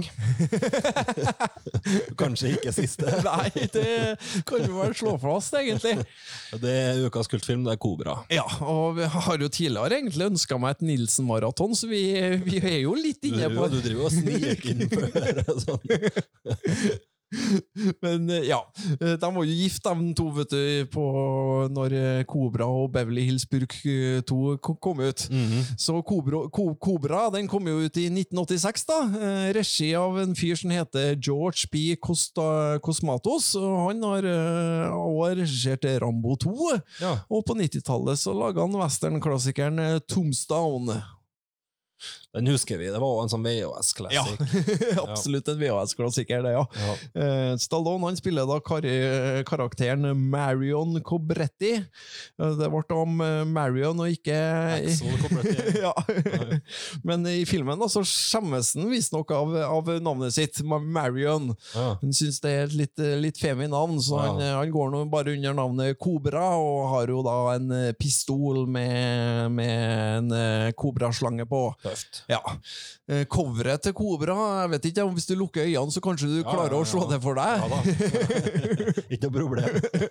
Det er jo eh, pilotbriller og fyrstikk i munnvika, og det er jo så tøft som du egentlig kan få det.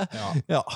Eh, Filmen eh, starter jo da med en eh, hvesende Stallone som eh, ramser opp i hyppigheten av diverse forbrytelser, sånn at det foregår et drap hvert 24. minutt, 250 voldtekter Ja. per dag osv. I tillegg da i starten her så får vi da en Stallone som kjører motorsykkel, kryssklippa med en eh, bande da som slår øksa mot hverandre i takt.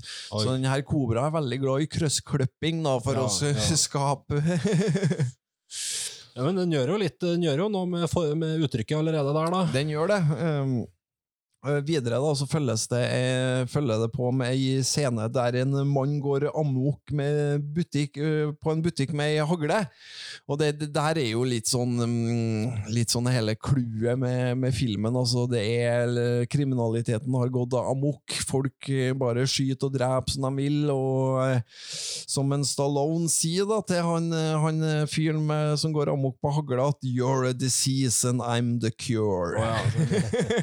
Den er bra sånn one-liner-vennlig. den er det, og den har jo eh, ja, ganske tvilsom moral, da, og egentlig. Eh, noe som går igjen egentlig på mye av de her eh, 80-talls actionfilmene, om at eh, der eh, loven ikke strekker til, så tar man saken i egne hender, og selv om en Stallone spiller politimann her, da, så er han eh, Ja, han, eh, han er jo både dommer og bøddel i, i ett, da. Det er litt sånn klassisk 80-tallsgreie. Ja. Reagan-USA, på en måte. Veldig, veldig godt bilde av Reagan USA. Mm. Eh, tankene går jo fort over òg til de her Death Wish-filmene. Ja. Eh, så Hele absolutt. den her vigilante, eller altså Ja, politiet har ikke de nødvendige ressursene, eller ja, Ja. til å Ja, Eh, ganske klassisk. det er det. Eh, og eh, hun, eh, Birgitte Nilsen da, hun spiller, spiller da en fotomodell som blir jakta av en seriemorder som heter for, eller kalles for Night Stalker. Ja. Og en Kobra da får frie tøyler til å gjøre det sånn måte for å få fanga han her eh, Night Stalker. Gjør noe- har han noen kule trademarks, han Nightstalkeren? da? Ja, han er noe stygg sånn uh, Stygg som få, da. Ja. Eh, Og så har han jo sånn øksetatovering, han òg, så han er jo en del av den herre banden, da. Øksebanden. Øksebanden. Nei, og ellers så er det jo igjen en del, en del sånn krøssklippa scener her, da. Der vi har en eh, kobra på jakt etter info om han eh, Nightstalkeren. Krøssklippa med photoshoots av Nilsen, eh, sånn, sånn eh, modell. Altså. I tillegg så har du da en sånn 80-talls synthpop-sang. Dem er det jo flere av i filmen som går, går over bildene. Ja. Men hvorfor, det høres jo ikke så verst ut, da. Nei, det, det er ikke så verst, skjønner du. Blodhard.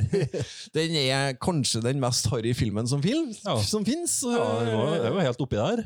Helt oppi der. Eh, Det skal faktisk være bitte litt streng mot Kobra. Oh, ja. Man skulle tro kanskje at jeg elsker Kobra hemningsløst, Ja. så det kunne jeg gjort, men eh, for min del så blir filmen litt for humørløs. Og Altså. at den, er litt, eh, den prøver litt for mye å være litt kul, faktisk. Ja, den gjør det.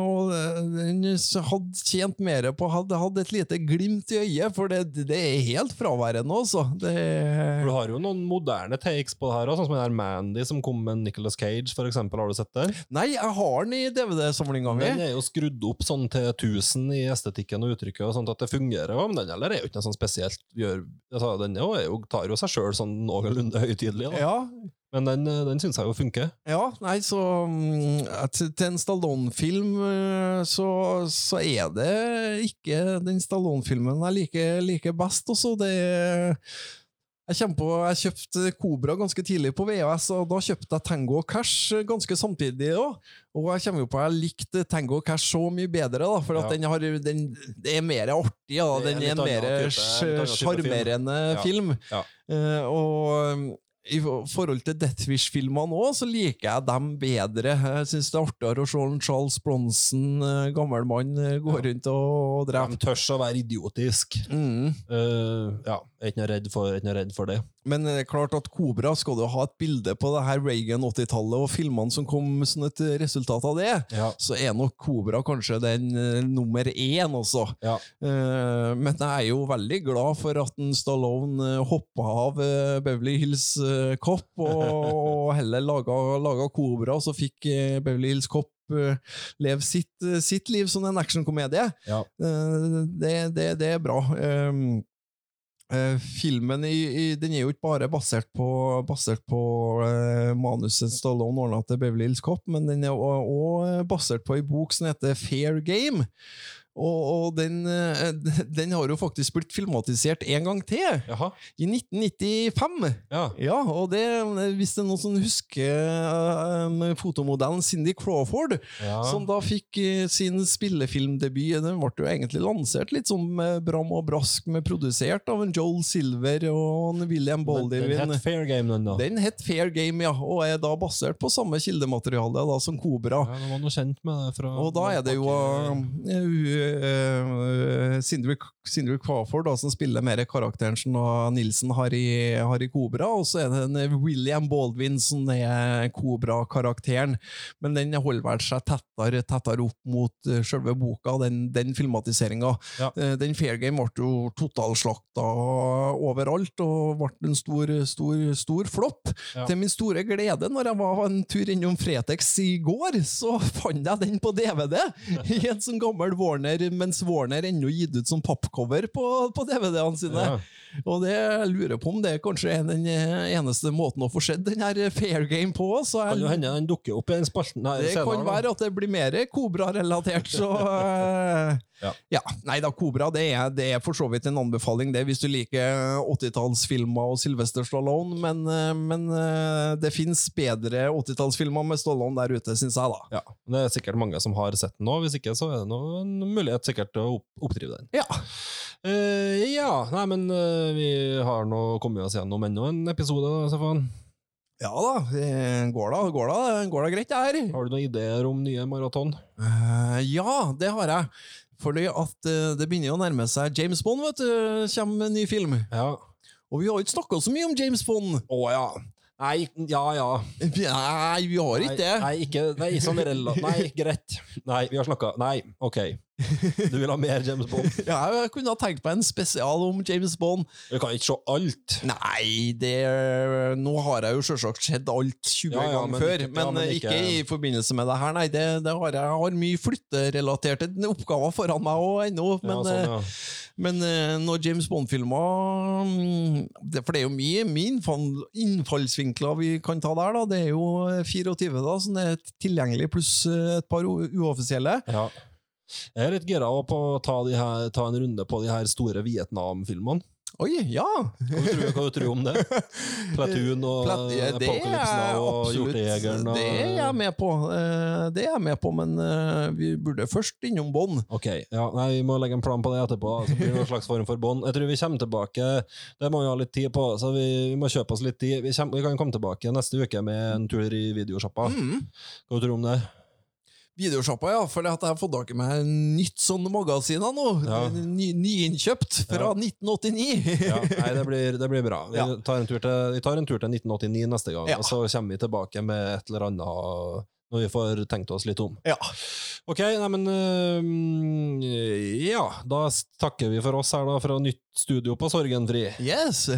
Um, Sikken er på, er på tempe, så det har, det har gått bra. Du har ikke følt sånn hjem, voldsom hjemlengsel. Nei, det er jo i og med at jeg har på en bord i samme område og kan se om den gamle leiligheten min, og kikkert har jeg òg, så jeg skal nå følge med litt på hvem det er som flytter inn her etter hvert. Ja. Eh, hvorfor heter, vet du hvorfor det heter Sorgenfri? Nei, eh, det har jeg ikke Det vet ikke jeg. Nei, det må du prøve å finne ut. Ja. Det må vi gjøre deg litt kjent med lokalområdet. For det er Sorgenfri, da, i utgangspunktet tenker jeg jo på de slitne som står og selger det magasinet. Ja, det er jo oppkalt etter bydelen, da. Ja. Ja, Der skulle vi ha visst. Mm. ja, kanskje vi får finne ut det etter hvert. Det blir ditt ansvar. Ja. uh, ja, nei, vi er tilbake nå.